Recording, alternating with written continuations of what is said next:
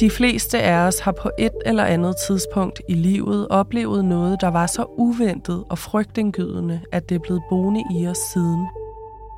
Det ved vi også er sandt for jer, for I har sendt jeres urovækkende historier til os i overvis. Og vi har gyst over de redsler og nervepirrende øjeblikke, I har været igennem. Indtil nu har jeres oplevelser ligget i en mørk skuffe, men det er tid til at få dem frem i lyset. Så her kommer de. Velkommen til Du er ikke alene.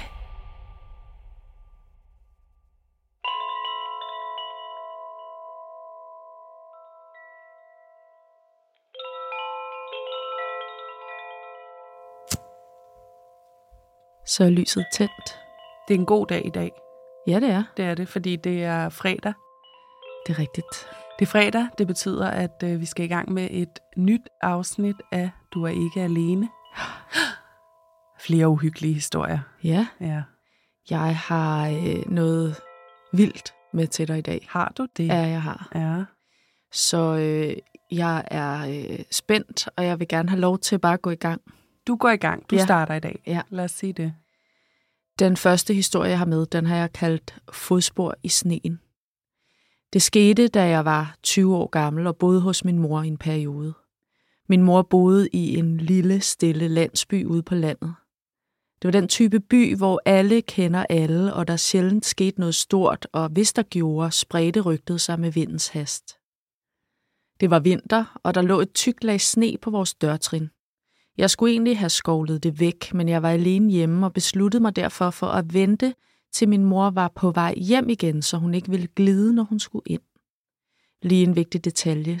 Der var ikke sne, da min mor tog hjemmefra tidligere på morgenen. Det begyndte først at sne op ad dagen. Jeg var stået op og var gået ud i køkkenet for at lave morgenmad. Man kan vist roligt sige, at jeg var rimelig let påklædt, da jeg lige var vågnet, og der var jo ingen andre hjemme. Planløsningen i min mors hus var meget åben. Det vil sige, at køkken og stue var et stort rum.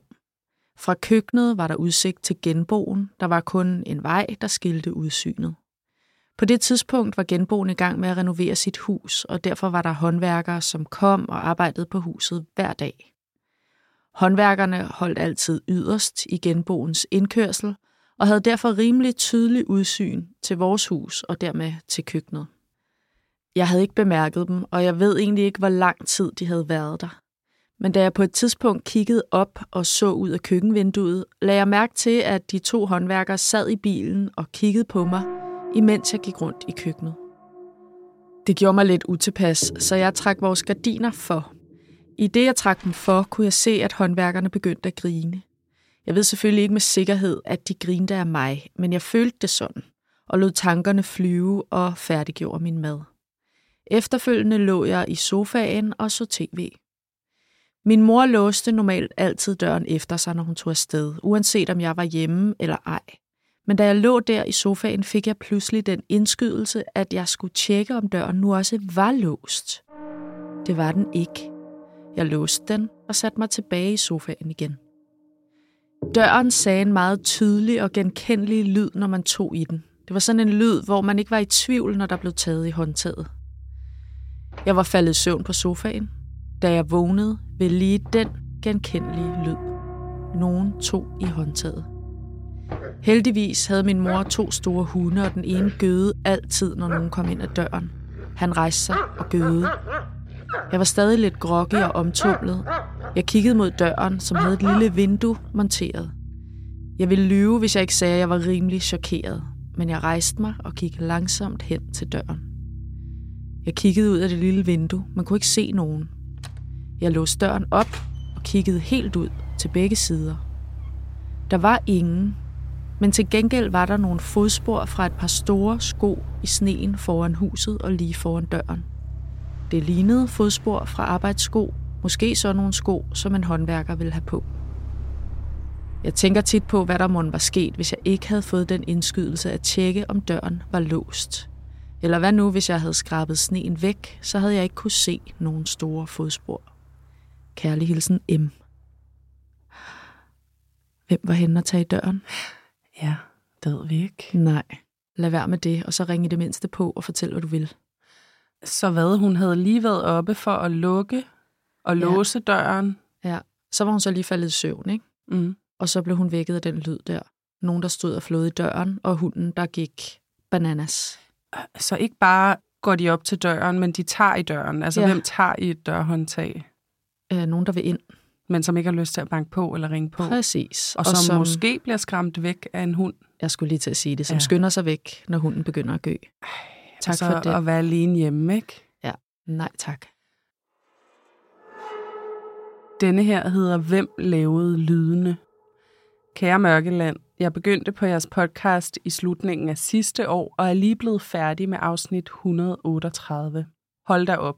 Jeg sidder på et gammelt sygehus og maler helt alene, så selvom det var endnu et mega godt afsnit, så har Daniel LaPlante lidt gjort, at jeg er blevet bange for alle lyde, der er i mit hjem. Og det var jo altså øh, ham, der boede i væggene hos en Ej. familie med to Ham har piger. jeg også tit tænkt på. Ja.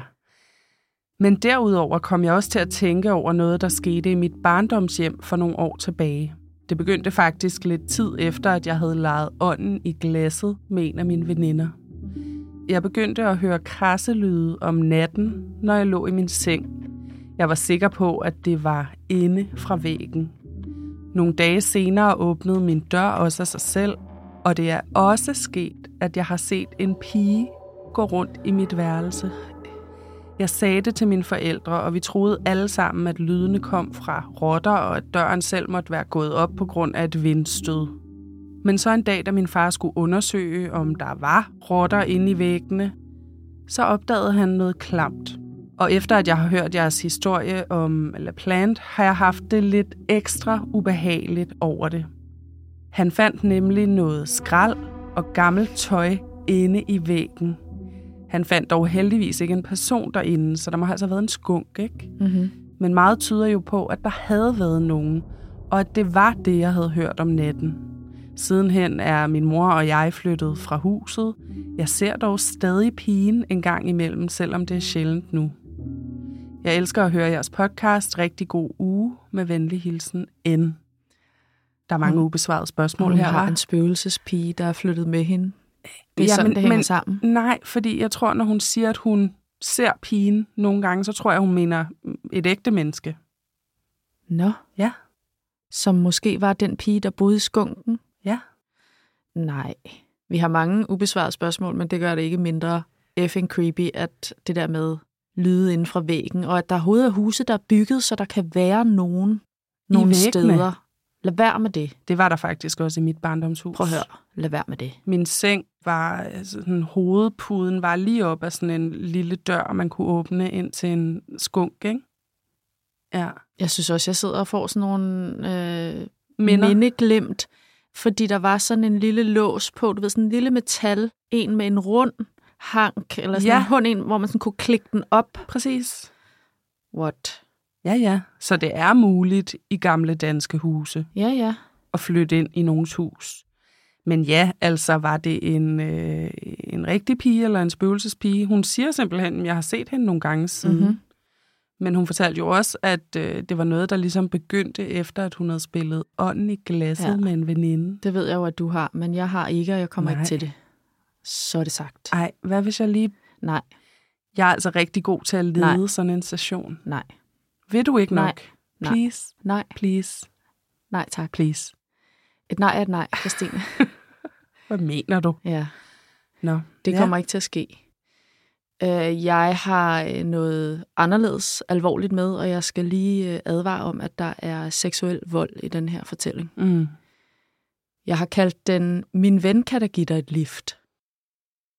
Jeg var 18 år gammel, da jeg mødte en fyr på nettet. Han præsenterede sig som Michael, og ifølge hans profil var han en rigtig flot fyr i starten af 20'erne. Vi chattede frem og tilbage de første par dage i et chatrum, og så udvekslede vi numre og fortsatte over sms. Han var enormt charmerende, og på trods af, at jeg ikke havde mødt ham, så følte jeg mig meget tiltrukket af ham. Efter et par ugers løbende samtaler over sms, spurgte han, om vi ikke skulle mødes hjem hos ham til en film. Der var absolut ingen undertoner af, at vi skulle andet end at se en film, snakke lidt og lære hinanden at kende. Jeg svarede, at det ville jeg da gerne, men jeg skulle lige finde ud af noget med bus og tog, da jeg ikke havde bil, og han boede en times kørsel fra mig. Han sagde, at han havde en kammerat, der arbejdede tæt ved, hvor jeg boede, så han kunne give mig et lift en dag på vej hjem. Så skulle jeg kun tænke på tog og bus hjem igen. Vi fik sat dato og tid på, og Michaels kammerat kom som aftalt og hentede mig en sen eftermiddag omkring klokken halv seks. Det var i starten af efteråret, så det var ved at blive mørkt. Der var akavet stille i den her bil. Men jeg tænkte, at det jo kun var en lille times tid, så ville jeg være hos Michael og forhåbentlig få en hyggelig aften. Det var blevet helt mørkt, og vi havde nok kørt en halv times tid, da han lagde sin hånd på mit lov. Jeg kom med sådan en nervøs kort latter, fordi jeg ikke anede, hvad jeg skulle tænke, og så fjernede jeg hans hånd. Men han lagde den der bare igen. Så jeg fjernede den igen. Denne gang meget bestemt og sagde meget tydeligt nej tak. Men han gjorde det en gang til og sagde, jeg skal da have noget for at køre dig. Her blev jeg for alvor bange og fik fremstammet noget i retning af, at jeg havde penge i min pung, og at jeg nok skulle betale. Han sagde helt kort og koldt, det er ikke penge, jeg vil have. Jeg stivnede. Der kørte tusind ting igennem mit hoved. Var Michael klar over, hvad det var for en kammerat, han havde? Hvad skulle jeg gøre? Hvad skulle jeg sige? Han begyndte at fumle med mit tøj og stak hånden ned i min bluse og tog på mine bryster. Tårne begyndte lige så stille at trille ned af mine kinder, og jeg sagde, vil du ikke godt være sød og lade være? Han svarede mig ikke, men fortsatte bare sin befamling.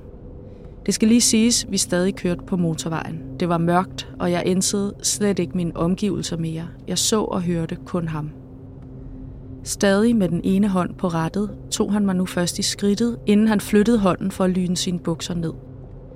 Jeg tikkede ham igen, om han ikke godt ville være sød at lade være. Han svarede hårdt, at hvis jeg ikke gjorde, som han sagde, så ville han smide mig af i nødsporet. Det lyder ikke som en voldsom trussel, men lige situationen var det. Det var mørkt, og jeg anede ikke, hvor jeg var. Hvis han satte mig af i nødsporet, hvordan skulle jeg så komme væk? Jeg ville jo blive kørt ned. Det var det eneste, jeg kunne tænke. Jeg tænkte ikke klart. Måske var det også fordi, at der var et eller andet i hans tonefald, der indikerede, at når han sagde smid mig af, så mente han det bogstaveligt.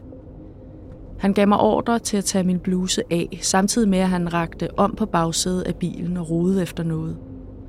Mine tanker slog straks over i, at når hans arm kom frem igen, så ville han have en kniv i hånden. Men jeg tog fejl. Måske heldigvis, og så alligevel ikke. For det, han havde i hånden, var et stykke sexlegetøj, som han begyndte at køre op og ned mellem mine bryster. Og jeg begyndte praktisk talt at hulke på det her tidspunkt, og tikkede ham om at lade være. Han snærede af mig, at jeg skulle stoppe det tuderi og gøre, som han sagde, ellers blev det værst for mig selv. Jeg fik samlet mig, så jeg ikke hulkede, men tårne kunne jeg ikke stoppe. De trillede ned af mine kinder. Min hjerne og min krop var gået fuldstændig i overlevelsesmode. Der var intet, der skreg kæmp mere – da han kort tid efter krævede oralsex, var der et splitsekund, hvor jeg tænkte, bid. Men tanken var hurtigt væk igen. Nu skulle det her bare overstås, så han kunne lade mig gå. Han ville jo blive nødt til at sætte mig af hos Michael, for ellers ville han jo undre sig. Han pressede mit hoved ned i sit skridt og holdt fast, men han slap kort efter, fordi han skulle køre motorvejen. Og lige pludselig holdt vi stille på en fuldstændig øde og mørk resteplads. Det eneste lys var de få lamper, der var rundt om toiletbygningen, og jeg kunne ikke se andet end buske og træer. Jeg kunne ikke se lys længere fremme, så vi var ikke tæt på en by eller noget. Jeg var fuldstændig lammet og fuldstændig sikker på, at nu ville han slå mig ihjel. Han tog igen fat i mit hoved, og jeg kunne ligesom fornemme, at nu skulle det her gøres færdigt. Bagefter tog jeg min bluse på igen, og mit eneste håb var bare, at han som aftalt ville køre mig hjem til Michael. Han sagde intet, men startede bilen og begyndte at køre. Jeg havde ingen idé om, hvor lang tid der var gået, eller hvor vi kørte hen. Jeg registrerede intet. Jeg var fuldstændig lukket ned. Det næste, jeg opfattede, var, at vi var kørt ind i en by.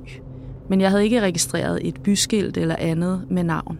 Han stoppede ved en togstation, gav mig en 100 kroner og sagde, så har du til billetten. Ej, af en eller anden grund tog jeg sædlen, inden jeg steg ud af bilen. Min ben rystede, da jeg gik ind i den her banegårdsbygning, mens jeg hørte ham køre væk.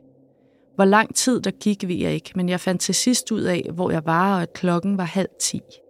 Jeg boede godt halvanden time væk, ikke de fire timer, der var gået. Så hvordan der var gået så lang tid, det ved jeg ikke. Lige der tikkede der en sms ind fra Michael. Jeg nåede lige at tænke, han må da kunne hjælpe mig, inden jeg fik øje på, hvad der stod. Det var noget i retning af, haha, så kan du lære det.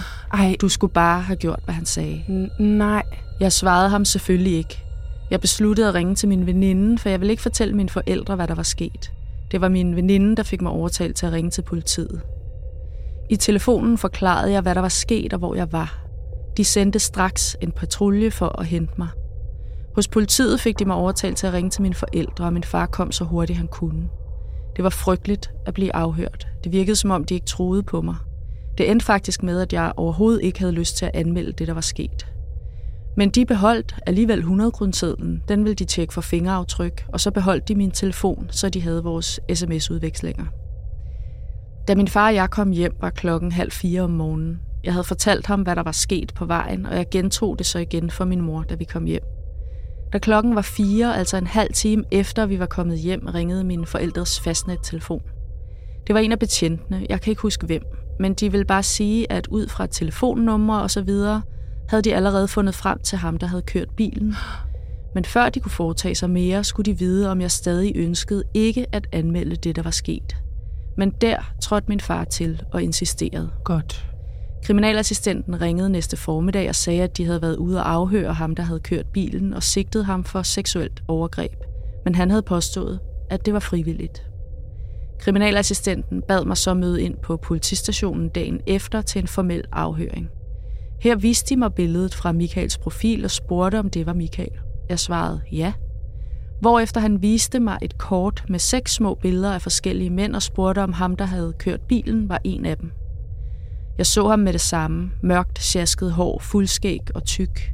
Jeg pegede og sagde, det er ham. Og her faldt bomben så.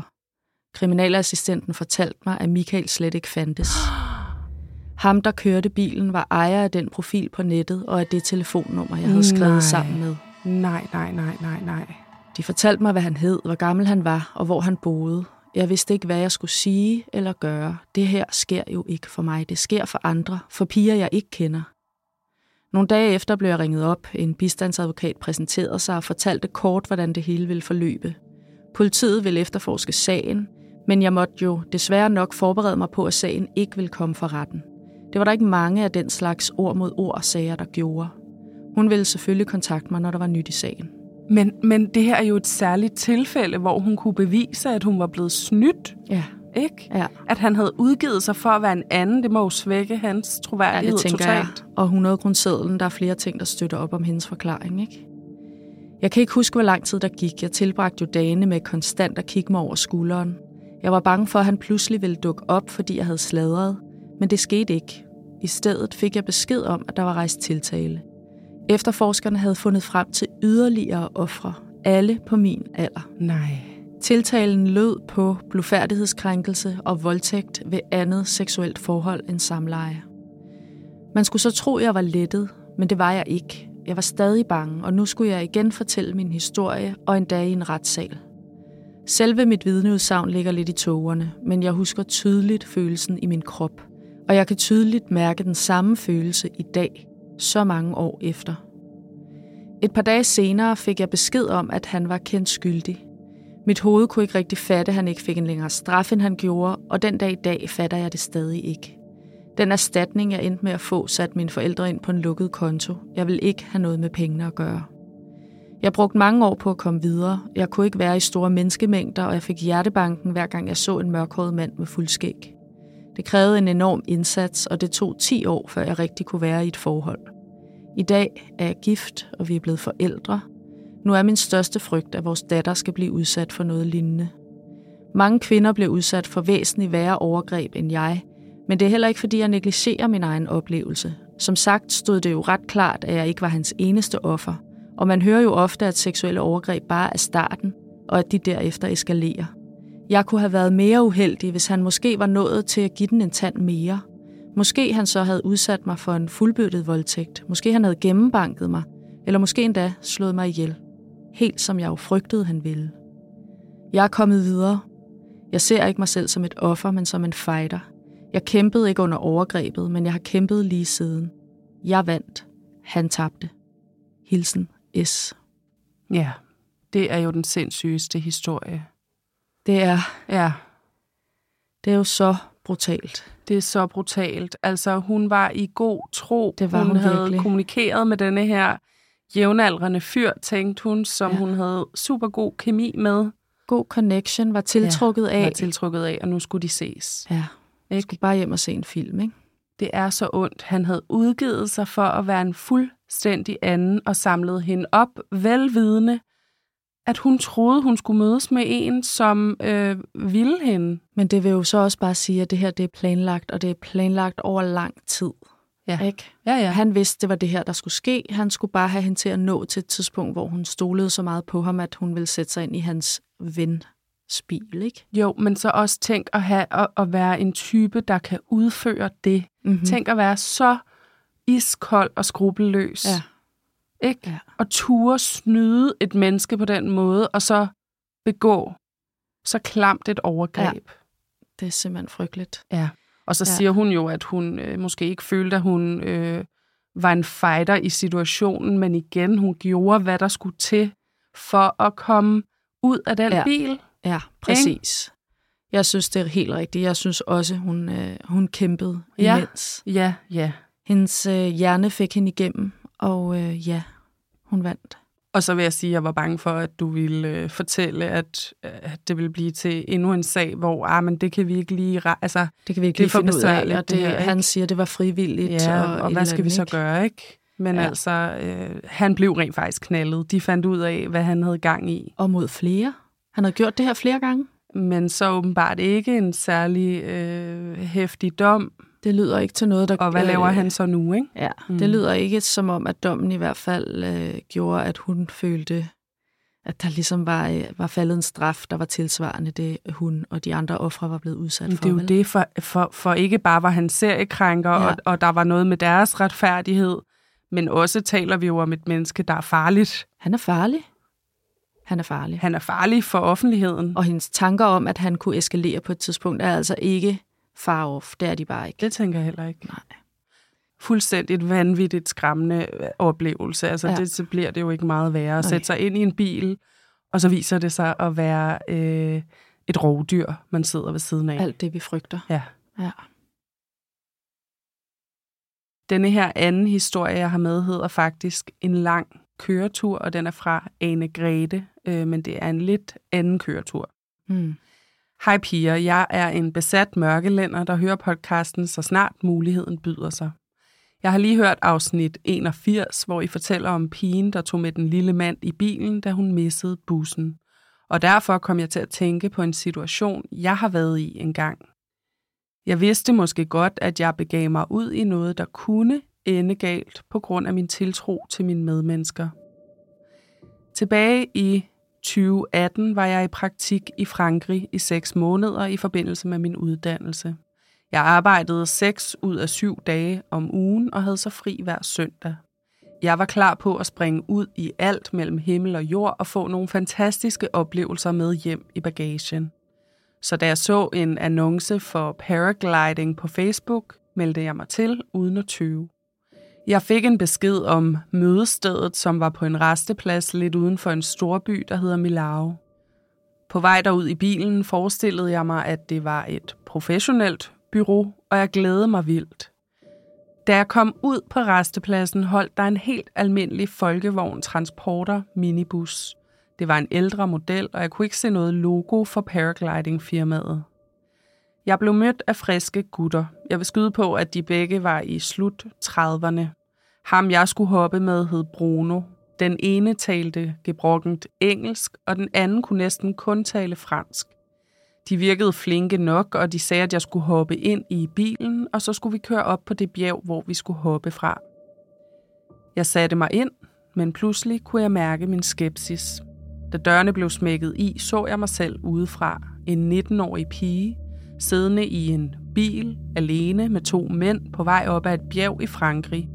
Et område, der sikkert var øde. En af de tanker, der ramte mig, var, at min mor i hvert fald ikke ville have brudt sig om det, hvis hun havde vidst, at jeg var sted ind i den bil.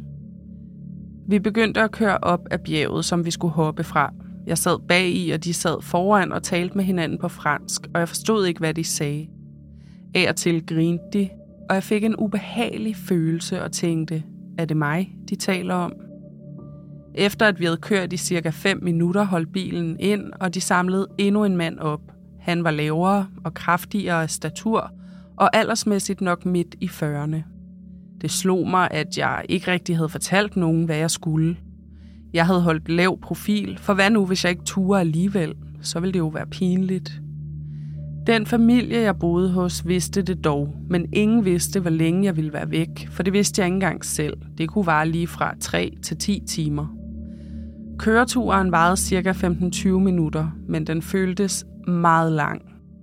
Da vi nåede op på bjerget, blev alle mine bange anelser heldigvis gjort til skamme. Der mm. skete ingenting. De to mænd var søde og professionelle instruktører, og jeg fik mit livs oplevelse med paragliding. Bagefter har jeg tænkt, hold nu kæft, hvorfor tænkte jeg sådan? Men samtidig har jeg også tænkt over, hvorfor jeg satte mig selv i sådan en situation, hvor det kunne være gået galt. Jeg har stadig ikke fortalt det til min mor. Det tror jeg ikke lige, hun har behov for at vide.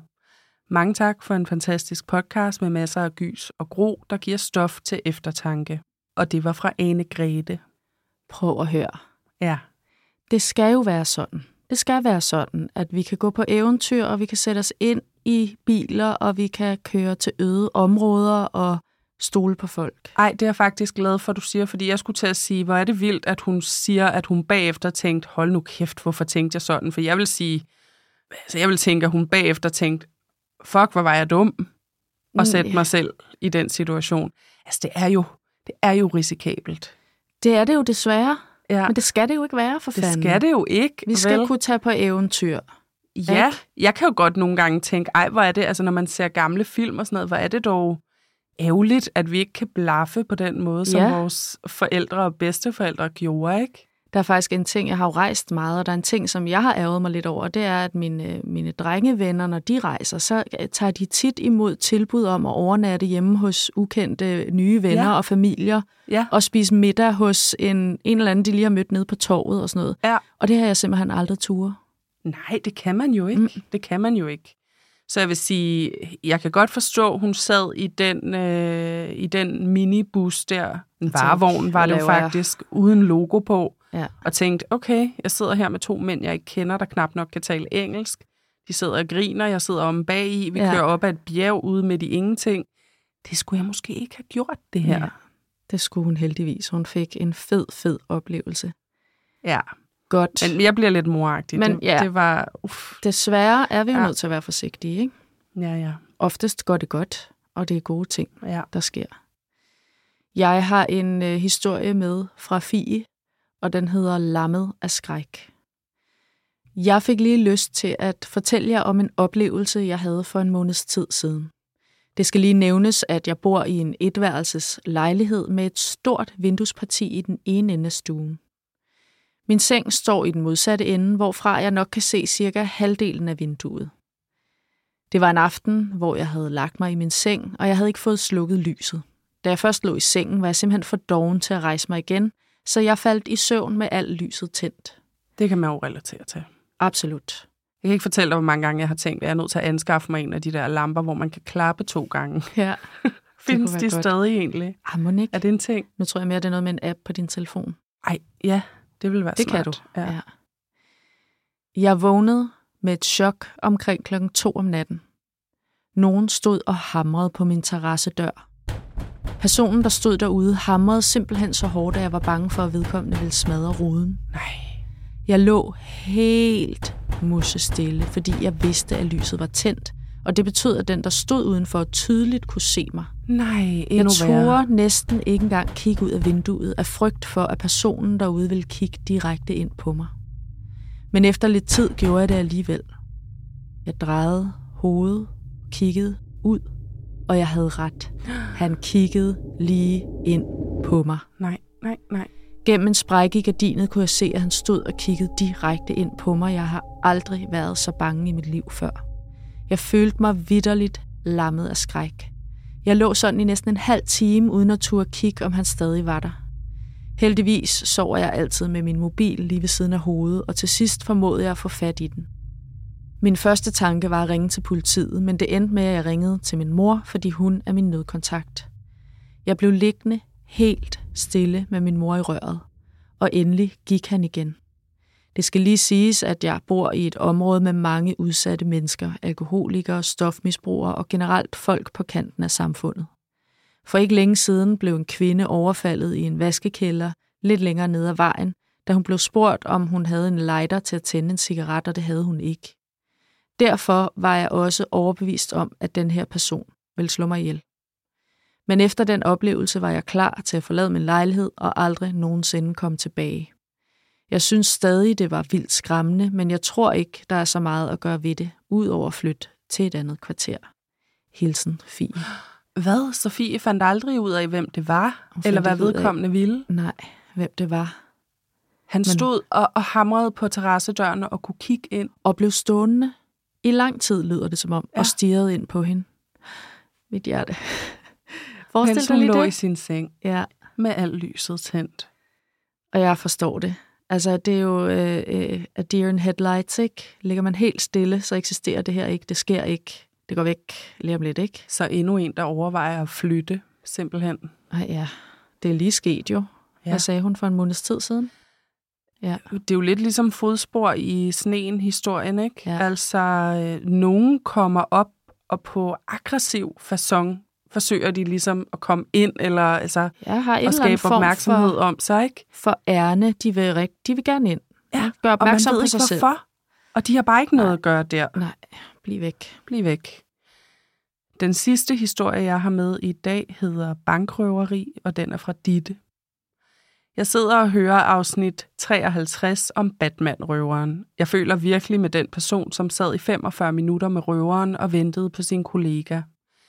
I 2011 var jeg ansat i en bank. Jeg sad i kassen, og i min afdeling var vi tre ansatte.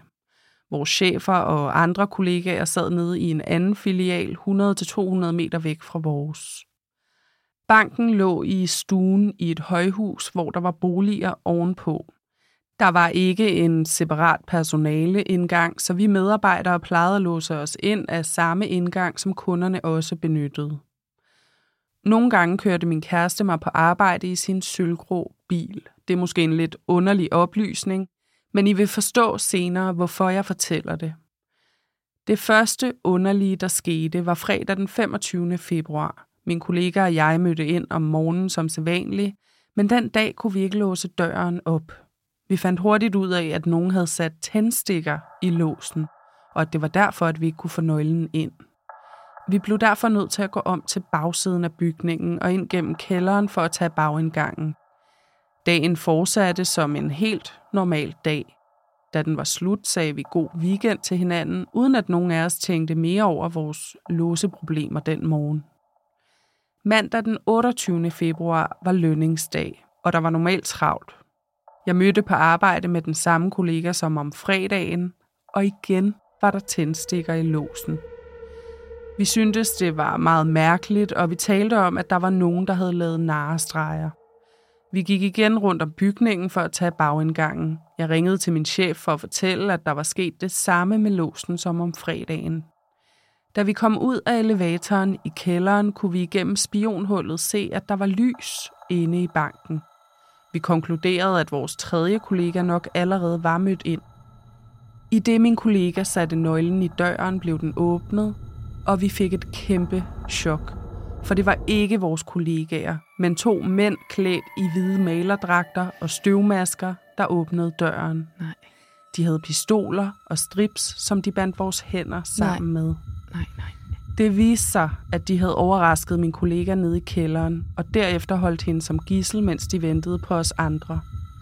De havde jo sikret sig, at vi ville komme den anden vej ind. De beordrede os ind i vores omklædningsrum. Det var et meget smalt lokale, så smalt, at man kunne stå med ryggen mod den ene væg og røre væggen overfor. Deres ting lå spredt ud på gulvet. Der lå blandt andet en jakke, som jeg måtte træde hen over. De tog vores frakker og lagde dem pænt sammen på trappen. Vi blev bedt om at gå ind i et mørkt lagerlokale.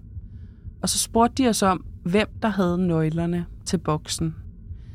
Den ene røver tog nu mine to kollegaer med ind i boksen. Jeg sad så alene tilbage med den anden røver i et mørkt lagerlokale.